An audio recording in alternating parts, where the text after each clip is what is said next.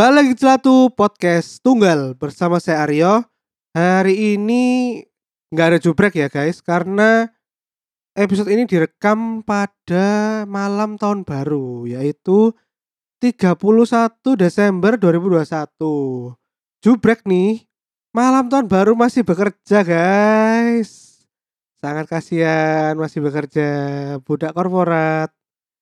Jadi dia nggak bisa rekaman bareng aku.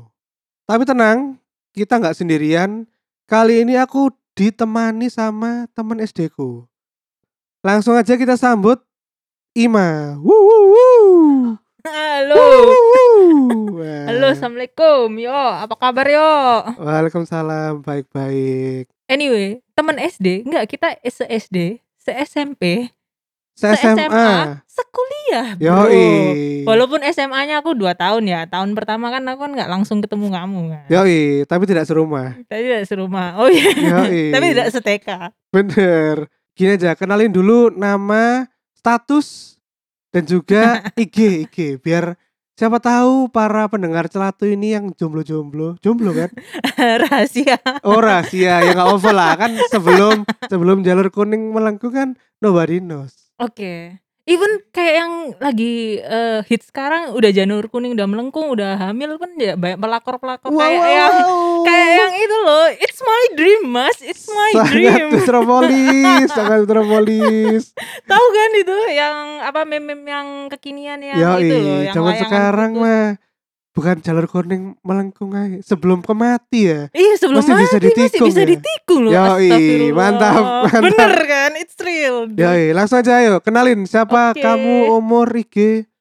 Halo semua, namaku Ima atau yang sebenarnya lebih banyak yang tahu sebenarnya akhir-akhir ini Kamila, nama lengkapku Kamila Nur Azima. Oh, kalau di kantor dipanggilnya siapa? Kem atau Kamila Kem? atau iya Sangar banget. Sangar kan, kayak panggilannya. kayak new new new new name atau new ya ada istilah baru lah. Iya iya iya. ya. iya. Umur berapa umur? Umur 27 apa 28 sih? Oh 28 28 28 tahun kelahiran 93. Eh IG ku Kamila Nur Azima. Tapi mungkin K-nya itu bukan yang kayak K pada umumnya. Aku pakai C sebenarnya. Oke, jadi kita eca ya. Camila Nur Azima. A Z ya. Iya, A AZ. Z I M A. Heeh. Oke, itu guys IG-nya ya. Buat kalian pendengar celatu yang pengen tahu sepak terjang Mbak Azima ini, Mbak Kem. Iya, heeh, tapi bener karena kenapa kalau namanya sekarang jadi Kep atau Kamila karena aku males menjelaskan kok kalau misalnya ketemu sama orang baru nih yo. Yo. Kayak misalnya kenapa eh, namamu Ima kayak aduh capek banget jelasin kan padahal Azima kan ada imanya kan. Nah, jadi kalau udah temen Oh. konco-konco yang lawas kayak dari kuliah dan sebelumnya pasti manggilnya Ima atau Azima keluargaku dan begitulah. Nah, tapi kalau yang udah udah lulus S1 ke atas aku udah kayaknya rata-rata dikenalnya Kamila Oke. gitu. Kerjaan apa nih kerjaan? Eh, sama ya kayak jubrek ya nasibnya ya, budak korporat juga ya. Oke, budak korporat BUMN atau Iya. swasta? Ya pokoknya berplat lah budak korporat berplat. Siap, siap. Aduh aku khawatir pendengarnya tiba-tiba ada pejabat nih nanti aku langsung tidak berbudaya akhlak gimana. Hobi apa hobi? Hobi ya, ya main piano, main gitar atau baca-baca buku, nonton film, makan. Ya kayak pada umumnya, pada umumnya standar. Tapi bukan yang anak nongkrong kayak kamu mungkin yuk beda beda beda. Oh, nggak suka nongkrong di ini berarti apa?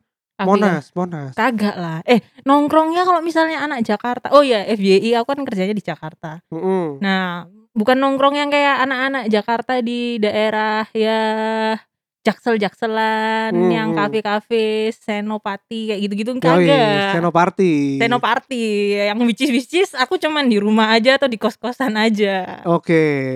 Dan juga dari dulu juga bukan di Surabaya pun bukan anak nongkrongan yang kayak kamu di Sutos. Pasti kalau eh, dulu itu kalau mau ketemu Aryo Sabtu Minggu ketemunya pasti di Stos. Yoi, mendem di situ. Kalau Sabtu Minggu di mana? Ya di kamar ya di rumah tidur nonton. Kayak Oke, gitu. oke, oke. Kemarin itu di akunnya ngerti saham itu ada sebuah akun yang vir ada sebuah post yang viral Mm-mm. yang ada kaitannya sama kamu nih. Mm-mm. Jadi kemarin itu gini guys, ceritanya itu di akun ngerti saham ada yang ngepost, Min, kalau ortu punya banyak aset tapi nggak mau ngasih ke anaknya. Padahal anaknya tunggal loh, cuman satu. baik lagi anaknya dan lebih mentingin ponakan-ponakannya. Kemudian anaknya itu juga disuruh cari sendiri itu gimana? Misalnya kayak aku, tolong di blur ya Min, please butuh pencerahan. Ini bukan kamu kan? Eh, bukan bukan bukan Yang ngepost curhatanku, bukan curhatanku, bukan curhatanku. Jadi sudut pandang yang menarik di episode kali ini karena eh sebagai info Ima ini atau Cam ini adalah anak tunggal. Iya, i. Basic dari yang si ngerti saham ini, ini kayaknya kan masalah keluarga kan tentang orang tua dan anak kan. No matter semisalnya dia itu anak tunggal atau anak terakhir atau anak bontot, pasti kan ada kayak isu-isu kayak ada yang nggak kebagian harta lah kayak gitu-gitu kan sta- standar film-film di Indonesia Ya, kayak gitu lah kayak kayak gitu-gitu kan. Nah, itu ya sebenarnya kembali lagi ke masing-masing di keluarganya polanya pembagiannya gimana. Tapi kalau basic dari aku sendiri sebagai anak tunggal dan prinsipku ya, sebenarnya sih aku nggak begitu ngarep-ngarep banget harta orang tua. Beneran ta? Gak lah. Itu tuh men- menarik sisan itu ya. Berarti kalau warisan orang tuamu dikasih no ke aku, kamu rela? ya rela lah ya. Maksudku sumpah, maksudnya itu tuh ba- bagiku tuh setiap orang ada rezekinya masing-masing gitu. Oke. Itu juga menarik ya. Aku tuh biyen tuh waktu dulu waktu SMA apa SMP, aku tuh dikatain gini sama temenku. Kamu lo anak tunggal, kamu lo ngapain susah-susah udah habis lulus SMA rabi ae nikah. Kamu tinggal nunggu warisan dari orang tuamu. Dalam hatiku nunggu warisan berarti mengharapkan orang tua aku mate mari ngono dikasih ke aku. Lah yo gendeng sih itu Iya, tuh iya, gak masuk iya. nggak masuk di maksudnya kamusku tuh gak ada kayak gitu ya. Aku tetap harus tetap normal lumrah ya kayak pengen bekerja ya aku pengen nih dapat ilmu nimba ilmu lebih kayak gitu nggak nggak semena-mena dengan stigma anak tunggal bisa manja tinggal nunggu begitu aja itu nggak sih kalau di dalam kamusku ya tapi kan persepsinya orang kan beda-beda ada yang mungkin ini di si dianya ini lagi ada si mbaknya atau masnya ini lagi kesulitan keuangan kali ya. Hmm. makanya dia tuh kayak aduh butuh masa orang tua aku sendiri nggak mau ngebantu anaknya malah ngebantu orang lain kayak gitu kan. Mungkin ya mungkin ya. Tapi kalau dari prinsipku sendiri sih kebetulan yang aku juga komen sebenarnya di ngerti saham eh, share kalau ya kalau menurutku sih mungkin juga sama kayak aku baca-baca di cerita-cerita orang luar negeri itu juga no matter kamu anak tunggal atau anak apa ya setelah selesai kewajiban orang tuamu ya kamu harus mencari your life path kan harus mencari kehidupanmu sendiri Hmm. harus kayak menyanggupi kebutuhanmu sendiri gitu loh Oke. kayak gitu Soalnya kan gini, stereotipnya anak tunggal itu kan tahu nggak sih stereotipnya anak tunggal itu apa? ya gimana gimana share share dulu aku tahu sih beberapa karena kan ya sering banyak omongan tapi ya gimana menurut Kalau kamu eh, lihat stereotip anak tunggal tuh yang biasanya di nomor satu pandangan orang tuh apa coba? manja lah pasti Nah itu manja sama biasanya tuh egois. oh iya manja dan egois Nah itu kamu ngerasa kamu tuh manja dan egois nggak? gak tahu ya apa sifatku itu manja tuh aku juga nggak ya pasti setiap manusia tuh ada sosok ada sisi manjanya ya Heeh. Tapi mungkin karena aku anak tunggal dan aku perempuan sendirinya, jadinya aku tuh berperan ganda yo. Kadang itu aku bisa jadi kayak lanang, Hmm. tapi kadang bisa jadi kayak perempuan. Dan kadang-kadang sering yang tak tunjukin yang di depan orang, kayak banyak kan, itu pasti yang sisi lanang, sisi laki, sisi maconya, bukan sisi manja Oh. ceweknya yang kalem kayak ngalem gitu ya. Heeh. Nah, kalau sisi egois ya, mungkin karena aku baca juga di artikel karena emang dia tuh kebiasaan sendirian, nggak tahu caranya berbagi, nggak tahu yang kayak Nah semisalnya itu. Nggak tahu kayak semisalnya ada orang lain yang hidup di dunia ini. Eh, Nah, makanya dia itu eh ngerasa ya semuanya ini bisa milikku karena nggak ada yang harus dibagi. Tapi kalau aku sendiri egois tuh bukan sih, tapi lebih kayak keras kepala batu aja sih kalau aku Oke, I see, I see, I atau see. ambisi lah ya keras kepala batu karena ya menurutku anak tunggal kan siapa lagi yang bisa diharapkan ya? Kalau kamu absen sih yang dipanggil anaknya dari orang tua aku ya cuman aku toh ya siapa lagi ya? Makanya ambisiku banyak pada saat itu ya. Oh, sekarang udah nggak ambisi lagi. udah enggak Udah nggak anak ambi. enggak, enggak, bukan corona aja sih ya setelah lulus S2 itu ya ada banyak beberapa plan yang ternyata nggak bisa kita paksain dan sesuai kan. Jadinya itu udah belajar untuk damai tentang diri sendiri. Asik loh. Ini udah kayak mental mentalan tapi ini juga gara-gara aku dicap sebagai anak tunggal sih yo ceritanya. Kenapa? Kenapa itu? kayak banyak stereotype atau dulu zaman dulu itu kan belum ada istilah omongan netizen ya. Pokoknya banyak banget omongan-omongan dari orang tentang anak tunggal yang aku pengen patahkan itu Hmm. Akhirnya aku ya struggling sendiri, ya ngomel-ngomel, "Kenapa sih kok aku dikatain ini, itu ini, itu, udah nggak usah kerja, udah nggak usah susah-susah S2, udah nggak usah pergi dari Surabaya, udah" dan seterusnya. Jadinya aku langsung pengen membuktikan, "Enggak yo, aku bisa berdiri di kakiku sendiri," kayak gitu, pengen nunjukin ke orang-orang yang kayak menyepelekan kondisiku. Emang aku ada privilege. Hmm. Tapi aku nggak mau semena-mena dengan privilege itu, kayak gitu loh. Oh, tapi kalau ngomong privilege sih menurutku sebagai orang yang punya privilege itu justru kita harus memanfaatkan Betul. se apa ya istilahnya, semaksimal mungkin, heeh. Jadi kalau misalnya emang kita terlahir di keluarga yang kaya ya emang harus memanfaatkan itu. Iya iya, berkecukupan ya memang aku memanfaatkan itu memanfaatkan itu tapi tidak semena-mena gitu loh yo. Kayak Hmm. mentang-mentang aku anak tunggal terus gak ada yang gak ada lagi yang apa istilahnya kalau dulu sangu cuman dikasih ke aku tok, tapi ya gak kayak gitunya. Itu juga jadi bensinku juga sih ya, itu kayak mangkel sama orang-orang, omongannya orang-orang, kayak omongan sekitar, omongan temen, Eh, omongan bentar bentar, ngomong-ngomong bensin, kamu masih suka bau bensin gak sih? Suka masih tetep kan Suka banget ya Allah sampai sekarang Aduh, astagfirullah. aku tuh inget soalnya dulu tuh kamu waktu SMP tuh bilang kamu tuh suka bau bensin. Iya Pol. Emang ada apa dengan bau bensin itu? Gak tahu eh kan kalau misalnya kamu baca artikel di bensin tuh kayak ada bau narkobanya ya salah satunya ada zat Tapi adiktifnya emang ya. ada orang yang ini sih ngefly ngefly dari Aku kok oh gak aku gak dari sampai apa nyium bensin sih. aku gak sampai ngefly tapi aku suka banget kayak admire aja kayak "Hmm, ini kalau misalnya buka di kalau di pom bensin tuh aku buka jendela atau misalnya turun emang sengaja bayar di turun turun dari mobil biar Astaga. mencium baunya kayak hmm sedap. Eh, aku ada artikel dari idntimes.com Mm-mm. tentang lima pandangan negatif yang konon melekat pada anak tunggal. Ini. Asik. Negatif negatif tok ya arek tunggal iki. Yoi, Celatu aku. tuh selalu menguak sisi negatif manusia. nah, ini kita bakal cocokin sama nggak kayak yang kamu rasakan gitu. Mm. Yang pertama nih, pandangan anak tunggal ya. Sering Hmm. dinilai anak manja dan kurang mandiri. Pandangan negatif pertama yang kerap melekat anak tunggal ialah sering dinilai sebagai anak manja dan kurang mandiri karena tidak punya saudara kandung. Jadi banyak orang mengira bahwa perhatian orang tua total tertuju padanya. Hmm. Padahal kenyataannya tidak sedikit anak tunggal yang justru sudah mandiri sejak kecil. Wih, Betul, betul banget. Setuju banget. Kalau kamu satu. gimana nih?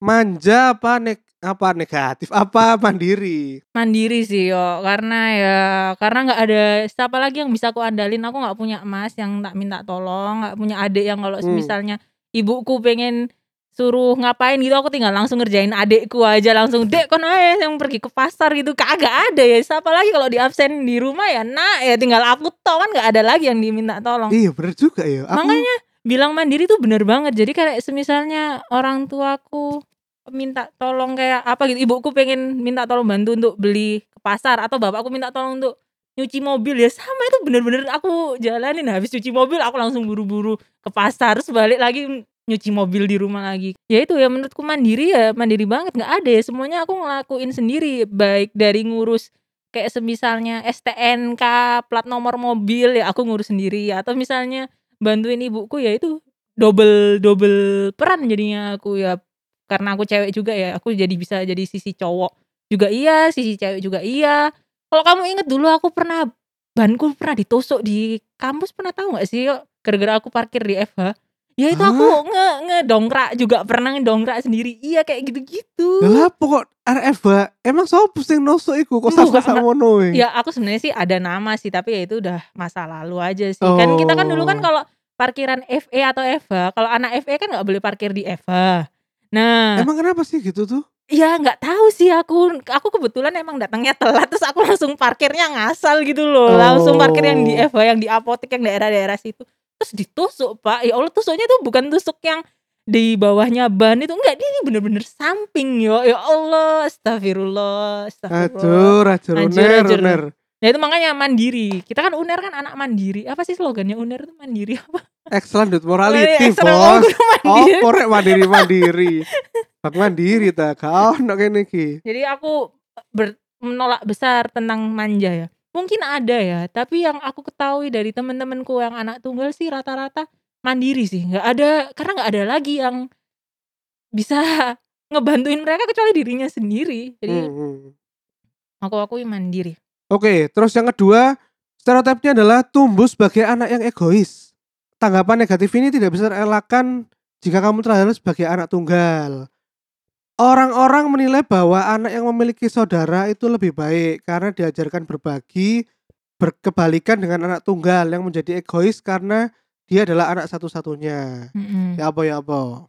Kalau egois sih alhamdulillah karena juga ini kembali ke didikan keluarga atau orang tua masing-masing. Alhamdulillah ya aku kecil memang nggak punya banyak saudara ya. Walaupun Nah. keponakan atau sepupuku juga kalau nggak gapnya tuh udah wis sudah jauh tinggi atau yang sepantaran sama aku tuh sedikit. Tapi aku Hmm. udah diajari kayak sebisalnya ya kudu berbagi, kayak sebisalnya kita juga kalau dulu di SD ya diajari lah yang agama. Mungkin karena basic foundation agamaku juga cukup kuat. Jadi kalau masalah tentang sharing-sharing berbagi itu nggak jadi isu. Kalau egois untuk masalah tentang pengen pendapatnya didengar itu memang iya.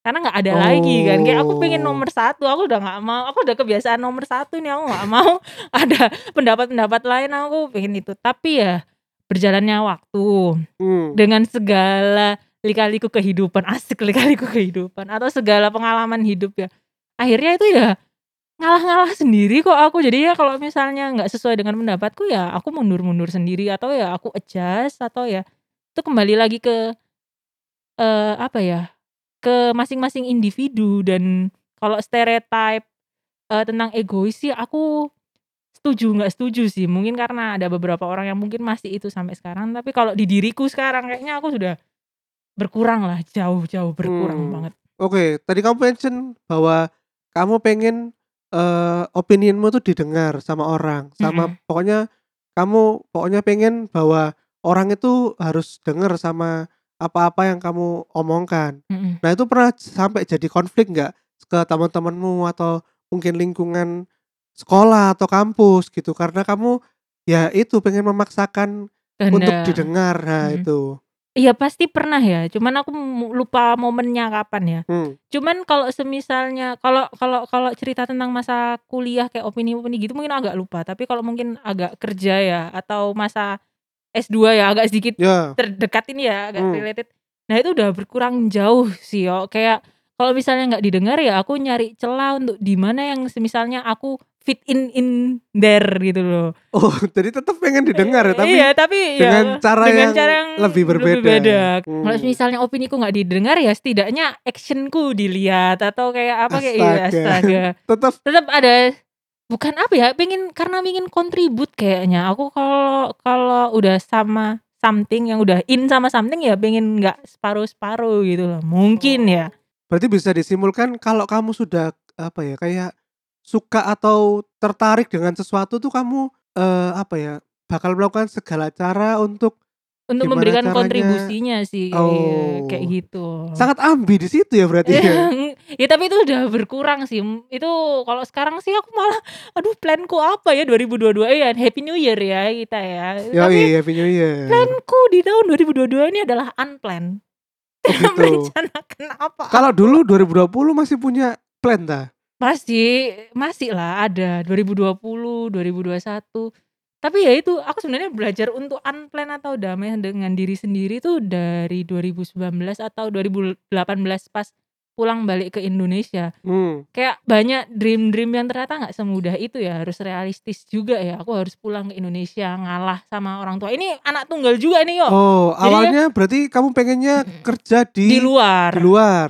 Terus habis itu aku konsultasi sama temanku. Temanku tuh bilang gini, "Eh, kamu yakin tadi luar? Bentar lagi akhir zaman loh."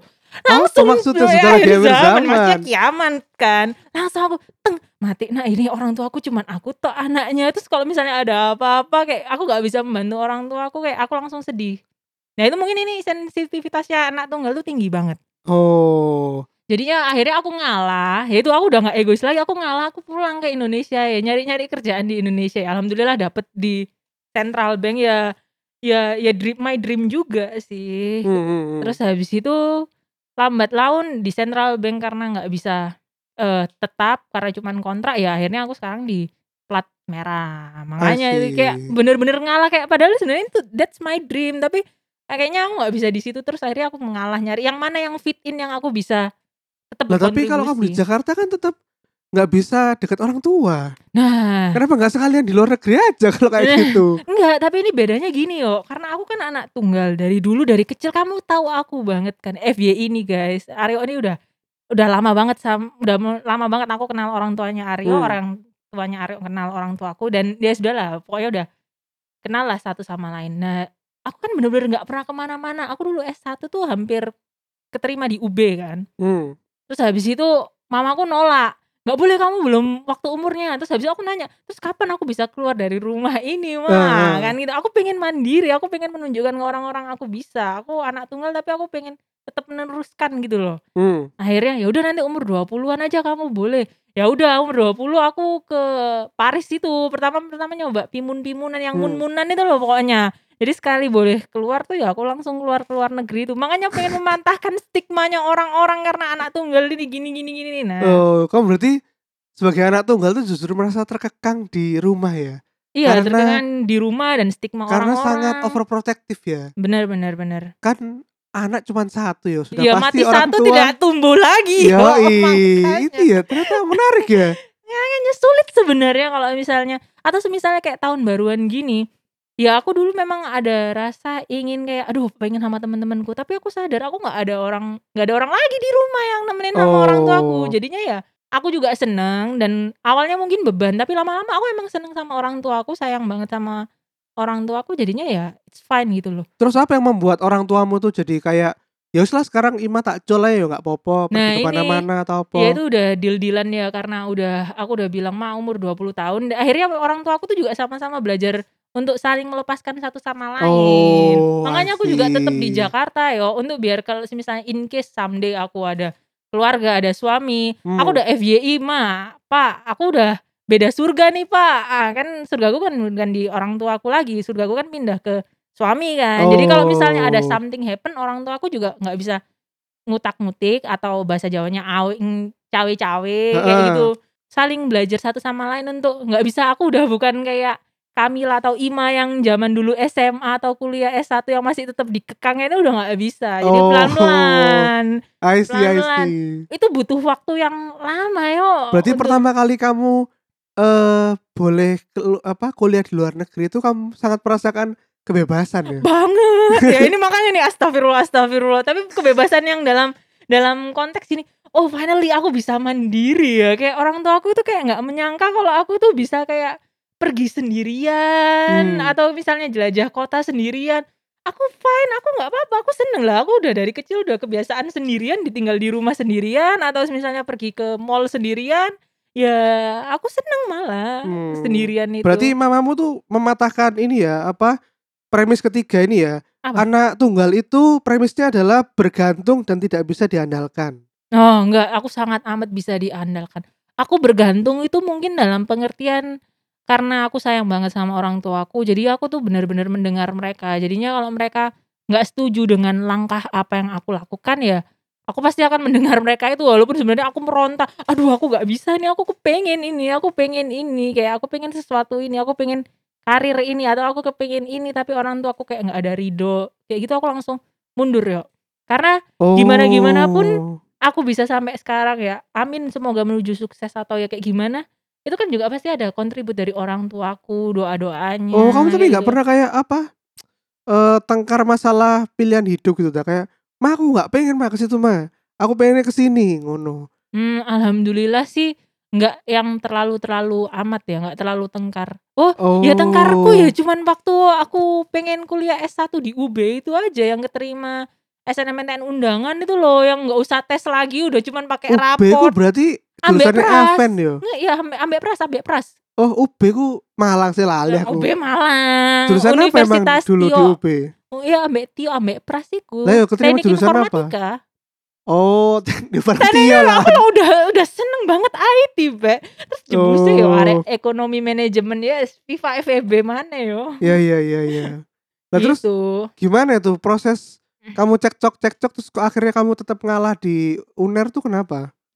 Hmm, ya itu agak sedikit semi yang nggak baik itu bukan dendam ya maksudku ya kayak aku hold oke aku sabar sekarang tapi nanti kan aku udah dijanjiin nanti umur 20 tahun aku bebas mau milih jalur hidup mau ke mana mau kuliah di luar negeri mau jalan-jalan di luar negeri bebas ya udah bebas pas umur 20 itu Oh. kayaknya ya eh apa aku umur 20 ya iya ya 20 aku pertama ke Makanya S2-mu ini sebagai balas dendam pada orang tuamu. Mm-mm. tapi aku nggak langsung S2 ya aku kayak ya ikut mun-munan gitu kayak testing-testing dulu kayak Oh. pertukaran gitu gitulah testing testing kayak orang tua aku bisa apa enggak ya aku bisa apa enggak ya.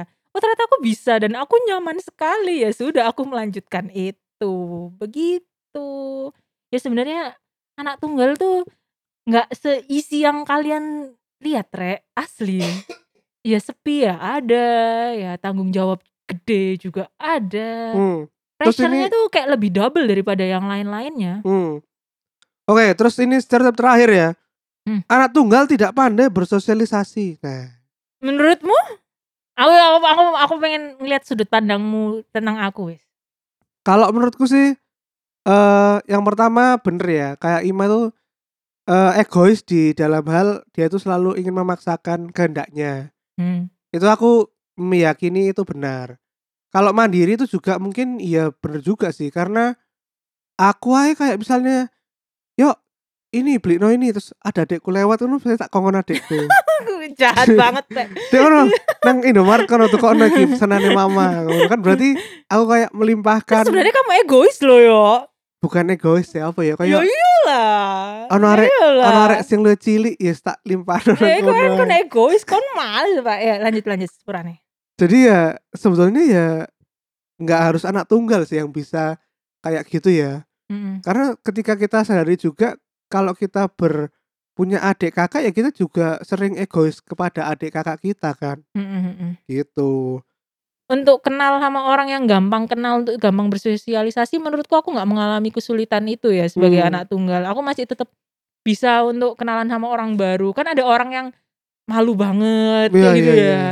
Atau misalnya sudah menang-menang anak tunggal dia udah merasa center of attention ya kamu harus memperhatikan aku dong kenapa aku harus berusaha berkenalan diri ke kamu kan ada Hmm. juga yang itu aku baca nggak sih aku nggak sampai segitu-gitunya masih tetap normal-normal aja aku tetap bisa ngobrol sama eh passengers di pesawat namanya siapa atau kayak gitu-gitu masih Random habis Cak. masih bisa karena Asik. I love people I love talk to people juga sih Oke. Ya udah gitu aja episode kita Iya. kali ini. Terima kasih banyak Mbak Kem. Sekali lagi sama-sama yo buat yang mau tahu IG-nya di Camila Nur Azima pakai Z ya. Azima. Z-nya satu apa dua? Jetnya satu Z-nya satu. Oke, Mm. gitu aja. Jangan lupa untuk selalu like, comment, dan subscribe semua sosmed-sosmed Celatu di @celatu dan juga Eh. YouTube kita @celatu. eh aku boleh FYI juga nggak Apa-apa? Eh, tapi ini masalahnya kan setiap orang kan eh, FYI ya. Ini opiniku aja. Hmm. Belum tentu juga bisa distereotipin ke orang-orang yang lain karena Oke, aku tuh gimana tuh? kadang kasihan juga sih dengan cap-capnya orang-orang gitu loh. Kayak langsung karena aku ngerasain itu ya, ngerasain dicap dengan stigma kamu belum kenal lah aku tapi udah kena cap. Itu rasanya nggak enak banget, kayak awkward, canggung banget. Aku belum ngelakuin sesuatu tapi aku udah dicap salah gitu kan nggak enak ya. Jadi ya. Mungkin ini opiniku ini berdasarkan opini dan pengalaman pribadiku Hmm. belum tentu juga orang sama seperti aku atau aku juga sama seperti orang lain jadi don't judge a book by a cover takutnya Oke. nanti kasihan ada temenku lain yang anak tunggal malah dia gi- digituin atau Yoi. kayak semisalnya Langsung aja apa ucapkan salam-salam bagi mungkin pendengar Celatu ada anak-anak tunggal itu ucapin. iya ya iya semoga yang sabar ya hang in there lah Wih, istilahnya yang asik. sabar hang in there Siap. Oke deh, dan juga jangan lupa untuk donasikan uang-uang kalian ke karyakarsa.com slash celatu Karena seperti biasa, podcast celatu adalah podcast dalam kemerahan, kerugian Jadi kita minta tolong bantuan dari kalian Oke, Oke. sampai jumpa di episode berikutnya Dadah Dadah. Assalamualaikum Salam.